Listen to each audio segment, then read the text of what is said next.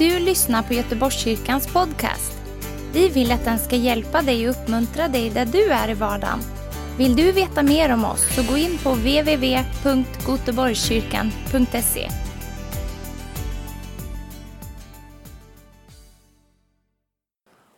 Vi håller på att predika om ifrån Apostlagärningarna. Och jag ska fortsätta göra det idag tillsammans med er. Och eh, förra gången så lyssnade vi på Frank, han talade om när Saulus han fick möta Jesus på Damaskusvägen. Och han talade om ett före, han talade om ett under och sen talade han om ett efter. Ja, ni får gärna gå tillbaka och lyssna på hans predikan, även de andra också, eh, för den var fantastiskt bra. Och för att du ska komma in i den text som jag ska läsa idag så eh, vill jag bara ta en kort resumé först. Det var ju så här att Saulus han, han, han andades ju mordhot mot eh, Jesu lärjungar. Och han hade fått tillstånd från översta, präst, översta prästerna för att kunna fängsla dem, Jesus troende och, och föra dem till Jerusalem. Eh, och eh, nu, var han, nu hade han fått liksom full makt och nu var han på väg Damaskus som låg norrut och det var ungefär en 24, 24 eh, mil dit, så det tog en del dagar att komma dit. Men han var på nu väg på, till Damaskus för att han skulle eh, fullfölja det som han hade fått uppdrag att jaga de kristna, att jaga de troende. Vi känner till den historien om vi läser Bibeln och på hans resa då på Damaskusvägen så, så hände det någonting och det var när han började närma sig Damaskus så fick han då händer det någonting och ett starkt ljussken liksom bländade liksom Saulus från, från himlen. Och han faller till marken och så hör han en röst eh, tala till honom och säger så här att Saul, varför förföljer du mig? Och Saul eh, frågade, vem är du Herre? Och rösten svarade, jag är Jesus, den som du förföljer. Men stå nu upp och gå in till staden så ska du få veta vad du måste göra. Och Saulus han, han reste sig upp och, eh, från marken och öppnade sina ögon så var han blind. Så att eh, man, de som var med honom fick hjälpa honom in i staden. Eh, och så var det en Jesu lärjunge som hette Ananias som hörde Herrens röst. Alltså Jesus talar till människor, Gud talar till människor. Och så sa han till Ananias, gå till Raka gatan eh, så och frågar Judas eh, hus efter en man som heter Saulus. Ehm, och eh, är från Tarsus, ty han ber, sa Herren till honom. Och Ananias han gick dit, han träffade Saul. När han kom dit så la han händerna på honom och sa att Herren har sänt mig för att, eh, till dig för att du ska se igen, för att du ska bli uppfylld av den heliga ande. Och så så la han händerna på honom, så bad han för honom och, och Saul han fick kunna öppna sina ögon, han fick sin syn tillbaka och han blev uppfylld av den helige ande. Och genast så lät han också döpa sig till Kristus i vatten, precis som, som man gjorde med de första lärjungarna. Eh, och när Saulus hade mött Jesus, det var en fantastisk upplevelse som man upplevde där. Men jag tror att det var så här att Gud var verkligen tvungen att ta tag i Saulus eftersom han var den han var. Han hade växt upp, han hade liksom skolats i de bästa skolorna, i de religiösa skolorna och så här och eh, han följde liksom det religiösa mönstret och lagen till fullt och prickas. Liksom, så att liksom han, han var verkligen insatt och han gick längre i sin utövning av religionen än de flesta andra gjorde. Så han blev liksom oerhört eh, fanatisk på det sättet. Så fanatisk att han till och med började förfölja de kristna som började tala om att Jesus är Guds son. Men Gud tog tag honom och han blev totalt förvandlad. Han upplevde det som Frank talar om, han upplevde undret att möta Jesus. Och det är här som vi kommer in i texten som jag ska börja leda, eh, tala om lite om idag. Och då har du eh, texten från Apostlagärningarna 19 och så läser vi framåt där. Sedan åt han och så fick han nya krafter. Och Stalus stannade i några dagar hos eh, lärjungarna i Damaskus. Och han började genast predika i synagogorna att Jesus är Guds son. Alla som hörde honom häpnade och sade, var det inte han som i Jerusalem ville utrota dem som åkallar det namnet? Och han kom inte hit, kom inte han hit för att gripa dem och föra dem, eh, föra dem eh, till översteprästerna?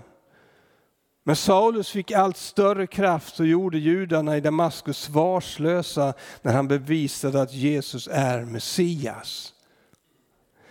Eh, det här är en jättemärklig situation egentligen. Här kommer han, den mannen Saulus som, som bara för några dagar sedan hade fullmakt och uppdrag att förfölja de kristna och fängsla dem. Alltså, och så gick han, när han kom till Damaskus, det här tog ungefär tre dagar innan han kom in till Damaskus, innan han gick till synagogorna. För han var ju på väg dit till synagogorna också, så de väntade på Saulus, den store Saulus, som till och med hade suttit inför Gamalals fötter. Och det var ju fantastiskt. Och nu kom han så att de förväntade sig säkert en fantastisk predikan ifrån denna man. Och så står han där och det hade bara gått tre dagar sedan det mötet han hade med Jesus på Damaskusvägen. Så står han där, han som hade förnekat att Jesus är Guds son. Och så står han fram och börjar predika precis tvärtom, att Jesus är Guds son, världens frälsare. Alltså jag kan tänka mig liksom att de undrar, har, har, han fått hjärnsläpp eller liksom, vad har hänt med denna man? Vad är det han säger för någonting? Och eh, jag tycker det är en fantastisk förändring vi upplever, bara så här i en människas liv. Och det var det som Frank talade om förra gången. Och på något sätt så var det som att han, han kom till Damaskus med ett uppdrag. Men efter mötet med Jesus så fick han ett annat uppdrag. Och här kan man säga börjar han det uppdraget. Eh, jag vill visa dig en sak här. Eh, hur kan man börja predika om Jesus bara, för, bara sådär i ett enda nu? Paul, eh, Saulus han var ju in, insatt i skrifterna, det var han. Fantastiskt sätt. Men det var ju fortfarande så att han liksom hade växt upp och formats utifrån det, det lagiska, utifrån att följa religionen så att säga. Hur kan en människa bara, liksom, bara vända så här liksom hand på ett enda nu och så börjar man tala om nåden i Jesus Kristus. Det är det ena som jag vill bara visa dig, att det är ett fantastisk förvandling som hände här. Men att predika, det jag skulle vilja säga mer också, att, att predika eller att vittna om Jesus, det har inte att göra med hur länge man har varit kristen. En del tänker sig så här att ja, men Saulus han behöver tid här nu så ska han mogna och så här och så, och så, så efterhand så får han börja tala om Jesus och vittna och så här. Nej, men du vet att, att, att vi, det var ju så att Paul, eller, vi kallar, jag kallar honom Paulus och Salus, men det är samma. I detta läget så kallade man honom Salus, och sen så vidare sen så kom vi in och då fick han heta Paulus. Eh, men det är samma person så att säga. Eh, att börja vittna om Jesus som han gjorde på en enda gång, det har egentligen inte med på ett sätt med det uppdrag han fick. Han fick uppdraget att predika evangelium till hedningarna. Det fick han. Men att, att han kunde börja tala om Jesus och predika om Jesus bara så här i ett enda nu, det har att göra med mötet med Jesus att göra. Så att ibland så tänker vi så här att ja, men någon har fått uppgift att göra det, någon har fått uppgift att göra någonting annat, någon har fått en uppgift att göra det, det tredje. Och så här. Men, men att vittna om Jesus har inte med det att göra, utan vittna, att vittna om, tala om Jesus har att göra med mitt möte med Jesus själv. Där jag tar emot honom i mitt hjärta och upplever syndernas förlåtelse och upplever frid med honom. Det är det som vittnesbördet har att göra med. Så att Paulus han kunde börja vittna på en enda gång om Jesus. Och du vet att när jag tar emot, när du tar emot Jesus i våra, i våra liv, då tar vi emot livet i våra liv. Jesus han säger så att jag är vägen, sanningen och livet. Så det som händer när, du, när, Gud rör ditt liv och berör ditt liv, det är att du tar emot livet och du börjar leva med Jesus. Då händer det någonting här. Du möter honom som är livet själv och det, det berör dig, du förvandlas. Och att det kan du vittna om min vän. Så att det behöver inte komma någon liksom som kommer tala om för dig att nu har du fått en uppgift här. Vi har en uppgift till dig här. Du kanske skulle vilja vittna om Jesus. Det är en av alla andra uppgifter. Nej, men det är inte så. Utan att vittna om Jesus har med livet själv att göra. Det har med att jag har mött Jesus att göra. Det är det, det hjärtat är fullt. Det talar man om. Och det var det som hände med, med Saulus. Och sen det andra, det är att Saulus blir uppfylld av den helige ande. Ananias la händerna på honom, han blev uppfylld av den helige ande och den helige ande är också livets ande. Så när du tar emot Jesus så tar du emot livet, men när du blir uppfylld av den helige ande, då flödar livet över. Förstår du? Då väller livet över ditt liv och det gör det att du kan inte, precis som, precis som lärjungarna upplevde och som Petrus han säger så här att, att eh, att jag kan inte låta, vi kunde inte låta bli att tala om vad vi har sett och hört. Att bli en kristen, det ligger på något sätt i vårt DNA, att kunna att tala om honom som vi upplevt. Och det var det som gjorde det var inte så här att Paulus var inte färdig. Eh, Saulus han, i detta läget, han hade ju fortfarande inte blivit den stora aposteln Paulus. Det hade Gud, det liksom hade Gud tänkt. Men han var fortfarande inte där. Men han kunde vittna, han kunde predika om Jesus i sitt liv. Och Det är så skönt att veta att den helige Ande vill hjälpa oss. I Apostlagärningarna 1 och 8 så står det så här att när den helige Ande kommer över er så ska ni få kraft att bli mina vittnen, står det. Ni ska få kraft att bli mina vittnen. Så att den helige Ande har betydelse min vän. Och det är egentligen det som vi läser om i hela apostlagärningarna igenom. Det börjar med att de blir uppfyllda av den heliga Ande och så fortsätter det. Den heliga Ande är det som gör skillnaden i våra liv min vän. Den heliga Ande är den som tänder eld på mig. Den heliga Ande är den som får mig att börja göra saker. Den heliga Ande är den som ger mig modet att börja göra saker. Det är den heliga Ande som ger mig frimodigheten att tala om Jesus. Och det är något som är helt naturligt. Du behöver inte bli en stor predikant eller en stor apostel som Paulus blev, utan du är, du den, du är den du är. Du har din personlighet och du på ditt sätt kan tala om den tro som du har. Jag skulle bara vilja uppmuntra dig att försöka våga ta ett steg till idag. Kanske våga börja tala om din tro på din arbetsplats. Eller börja våga tala om din tro på Jesus Kristus på skolan. Eller våga kanske bjuda in grannen på en kopp kaffe och en bulle och skapa en relation för att också kunna börja tala om vad du har på ditt, i ditt hjärta. Att det är Jesus Kristus som är så fantastiskt. Det kanske är så att du, att du skulle kunna ta ett steg att kunna börja våga vara med och gå ut på stan och evangelisera när vi går ut som församling och evangeliserar. Du tänker jag har aldrig vågat det. Kanske du skulle kunna våga ta det steget. Eller för första gången kanske våga be en frälsningsbön för någon som du aldrig har vågat innan. Eller till och med kunna lägga, våga lägga handen på någon som du känner och säga jag kan be för dig för du är sjuk. Jag kan be för dig och Jesus kan hela dig för första gången. Jag skulle bara vilja uppmuntra dig att våga ta ta ett steg till, ett steg vidare, ett steg mer utåt på något sätt. Halleluja, underbart. Eh. Och vi ser att vi ser att Saulus, han bara, liksom bara på dagarna som gick så, så gjorde han detta i allt större kraft. Och när vi läser om det ordet i vers 22 så, så ser vi att den grammatiska formen här visar att det var en, hela tiden en, ny, en förnyad och ökad andlig styrka som, som, som, liksom, som, han, som han fick bära med sig i sitt liv som bevisade att Jesus var Messias.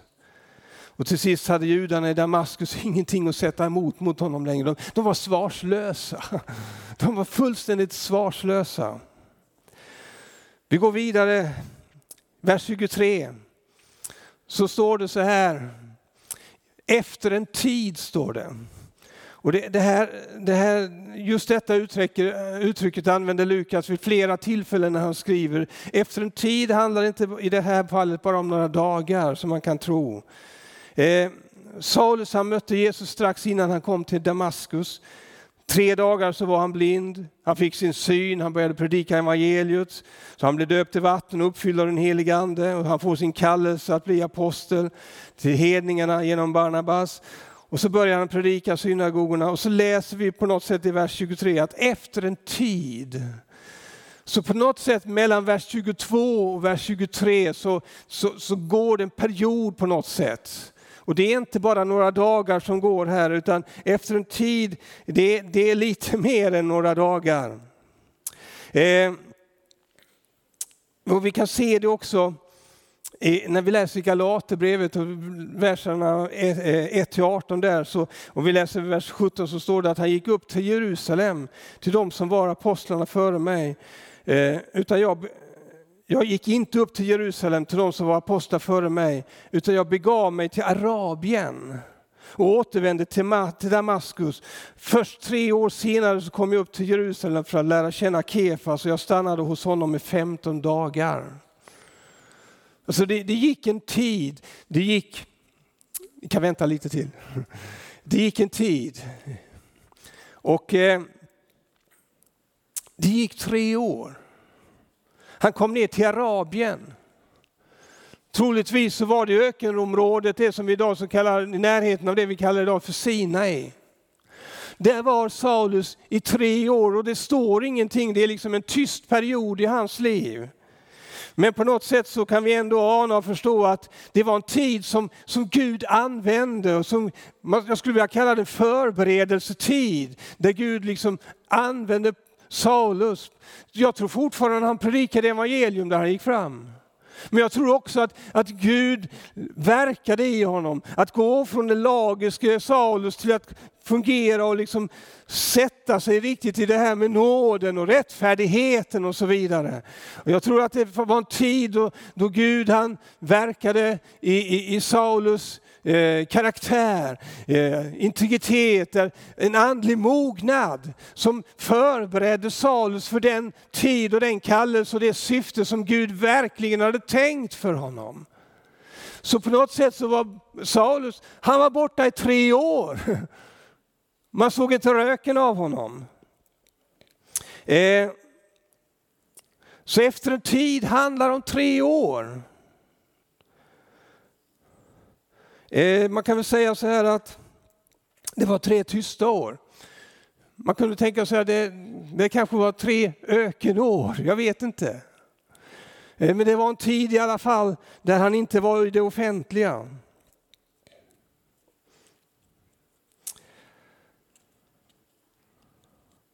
Tänk att den här mannen som var kallad till att bli den stora aposteln, han var fortfarande inte där. Han var fylld av den helige Ande eh, och, och så vidare. Men han, fort, han var fortfarande inte den stora aposteln. Tänk den här mannen som skulle predika evangelium till alla hedningarna. Han som, som, som skulle föra evangeliet till Europa. Tänk den här mannen som skulle skriva var 13 av breven, av böckerna i Nya Testamentet, av 27, Nya Testamentets 27 böcker. Det var inte så att han kom dit på en enda gång. Utan på något sätt så ser vi här att Gud gjorde någonting. Han tog honom åt sidan, förberedde honom för det som skulle komma. Och man kan tänka sig så här, ibland så hamnar ju du och jag också i livssituationer där man liksom på något sätt, man är inte i det offentliga kanske. Man kanske längtar efter någonting och man hamnar i perioder där liksom man ställs tillbaka lite grann av Gud själv. Och man undrar liksom, vad är det för nytta med den här perioden? Men jag är helt säker på att den här perioden på tre år så fanns Gud där varje dag. Han var med honom, han formade honom, han skapade någonting i hans liv som han behövde för det som skulle komma. Saulus han var ju inte den enda som gick igenom sådana här perioder. Mose till exempel som troligtvis var i samma ökenområde i 40 år. Innan Gud kallade honom att befria Israels folk ur Egypten i 40 år. Fick han vänta på det? Men varje dag under de här 40 åren så tror jag den heliga ande verkar och Gud verkade i honom. Så efter tre år kom han tillbaka till Damaskus. Efter en tid kom judarna överens om att röja honom ur vägen, men Saulus fick reda på deras plan och dag och natt så höll de vakt vid porten för att döda honom. Men en natt så tog hans lärjungar och firade ner honom utanför muren i en korg. När han kom till Jerusalem så försökte han ansluta sig till lärjungarna, men alla var rädda för honom eftersom de inte trodde att, det var hans lärjung, eh, att han var en lärjunge tycker faktiskt synd om Paulus. Han har varit borta och var förbered, levt i förberedelse i tre år. Så kommer han tillbaka till Damaskus och så, och så vill de döda honom direkt. Han hann liksom inte mer än komma dit. Så att han fick fly genom en korg som han hissade ner för muren. Och de här korgarna, det var troligtvis en sån här, eh, en sån här eh, smutskorg där man, där man liksom hissade ner skräp. På en enda gång. På något sätt så man ville inte ta emot honom. Och jag tror att här fanns han på något sätt som ett ingenmansland. För sen så kom han till Jerusalem. Eh, och då var det ju likadant där. När han kom till Jerusalem så försökte han ansluta sig till lärjungarna. Men alla var rädda för honom eftersom de inte trodde att det var hans lärjunge. Så på något sätt så han fick inte plats någonstans. Gud hade förberett honom, men på något sätt var det inte färdigt. Men så står det att då tog Barnabas hand om honom. Han förde honom till apostlarna och berättade för dem hur Salus hade satt Herren på vägen, sett Herren på vägen och att Herren hade talat till honom att han i Damaskus hade predikat frimodigt i Jesu namn. Barnabas, du kommer ihåg honom från kapitel 4. Han som var med och sålde en åker till och gav pengar till församlingen. Han fanns med i församlingen hela tiden. Barnabas läser också om att det var en man fylld av, av tro och helig ande. Nu dyker han ju upp igen. Vi behöver människor som Barnabas som, som vågar liksom gå in när andra går ut. Som vågar ta sig an människor som inte Många andra brukar ta sig an, de kanske är störiga, de kanske är, är jobbiga, men någon som ändå som Barnabas vågar ta hand om en sån här liten eh, brokig man som Saulus, som var speciell, som, som hade dåligt rykte var man än kom någonstans. Så tog han hand om honom och så tog han honom till de andliga ledarna och så accepterade de honom från första gången. Och så sedan står det att sedan så stannade Saulus hos dem och han gick in och i Jerusalem och predikade frimodigt Herrens namn. Och nu var han accepterad i församlingen. Nu hade han en, ett andligt hem i församlingen. Och så står det så här att han talade och diskuterade med de grekisktalande judarna, men de försökte röja honom ur vägen. Och när bröderna fick veta det så tog de med honom till Caesarea och sände honom sedan vidare till Tarsus. Tarsus var hans hemstad. Saulus hade varit i Arabien i tre år. Sen han kom till Jerusalem i 15 dagar. Sen kom han, skickade man, skickade sig tillbaka till Tarsus och sedan dyker han inte upp på sju år. På sju år hör man, hör man inte någonting av honom. Och sen när han dyker upp igen så dyker han inte upp i Jerusalem, han dyker upp i Antokia. Nu kan det komma fram. I Apostlagärningarna 11 och 19.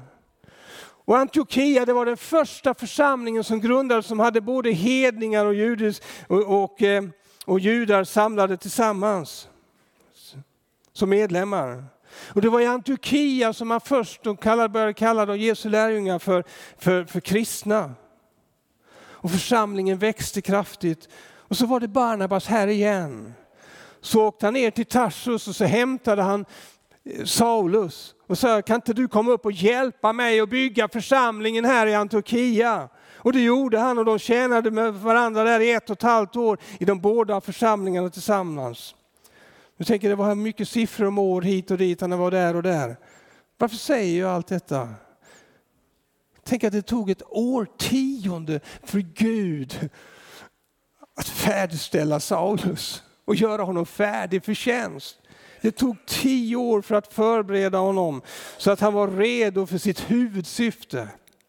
Och det tog 17 år innan Paulus blev utsänd för första gången, sin första missionsresa.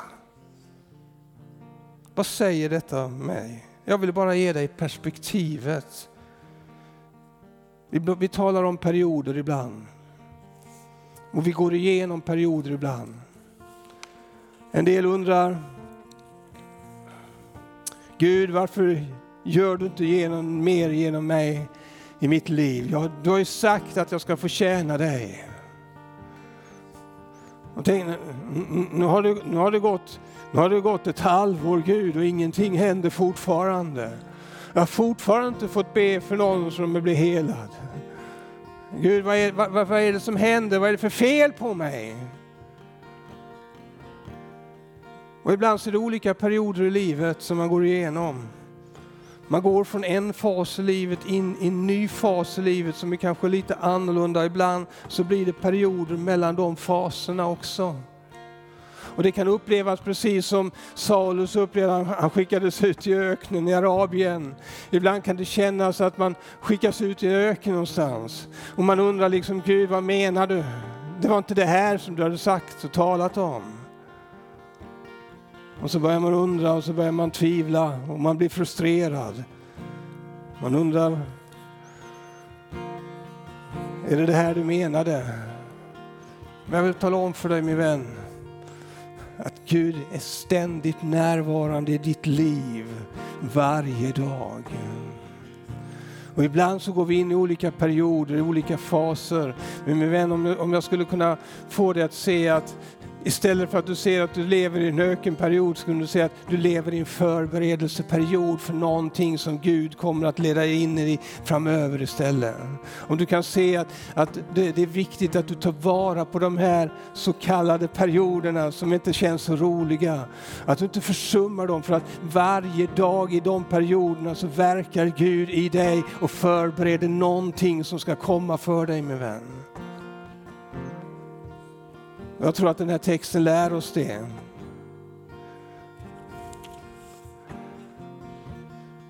Predikaren 3 och 11, eller 3 och 1 säger så här att allt har sin tid. Det finns tid för allt som sker under himlen. Och ibland har vi så svårt att greppa det, eller hur?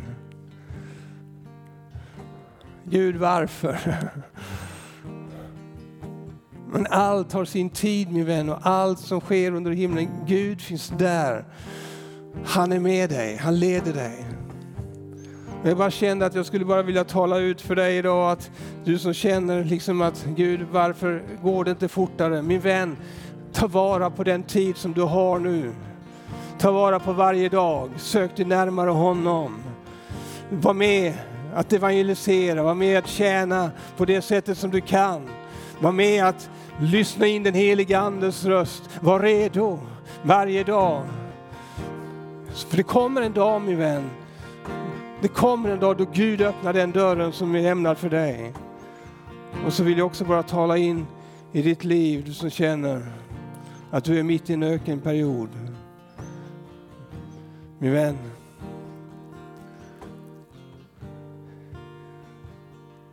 Gud kommer att ta, sig, ta dig igenom den perioden. Han finns där hos dig just nu. Men den perioden du går igenom, den har, en, den, den, den har en slut där du kommer att gå in i en ny fas i ditt liv. Så bara håll dig nära Jesus varje dag. Tjäna honom. Fader, jag vill prisa dig. Jag vill bara be in, uppmuntra nu Herre till de som känner just nu att varför står jag här? Eller vad är det på gång? Varför lever jag i den här öknen? Jag vill bara, jag vill bara be Herre att du bara bjuder in uppmuntran i dessa människors liv just nu. Att de kan se att du finns där, att det finns ett syfte med det, det finns en förberedelse med det. Och en dag så bara tackar jag dig Herre för att du kommer att öppna dörren för dem. Halleluja. En ny tid, en ny period. Halleluja. Jag tror vi lovsjunger lite grann.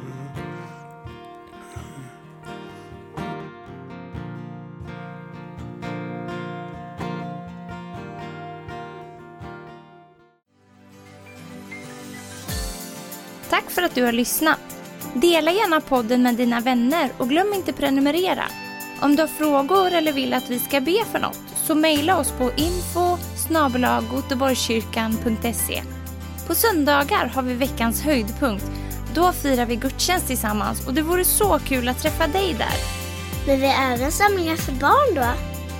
Gå in på vår hemsida goteborgskyrkan.se så får du veta mer. Välkommen till oss!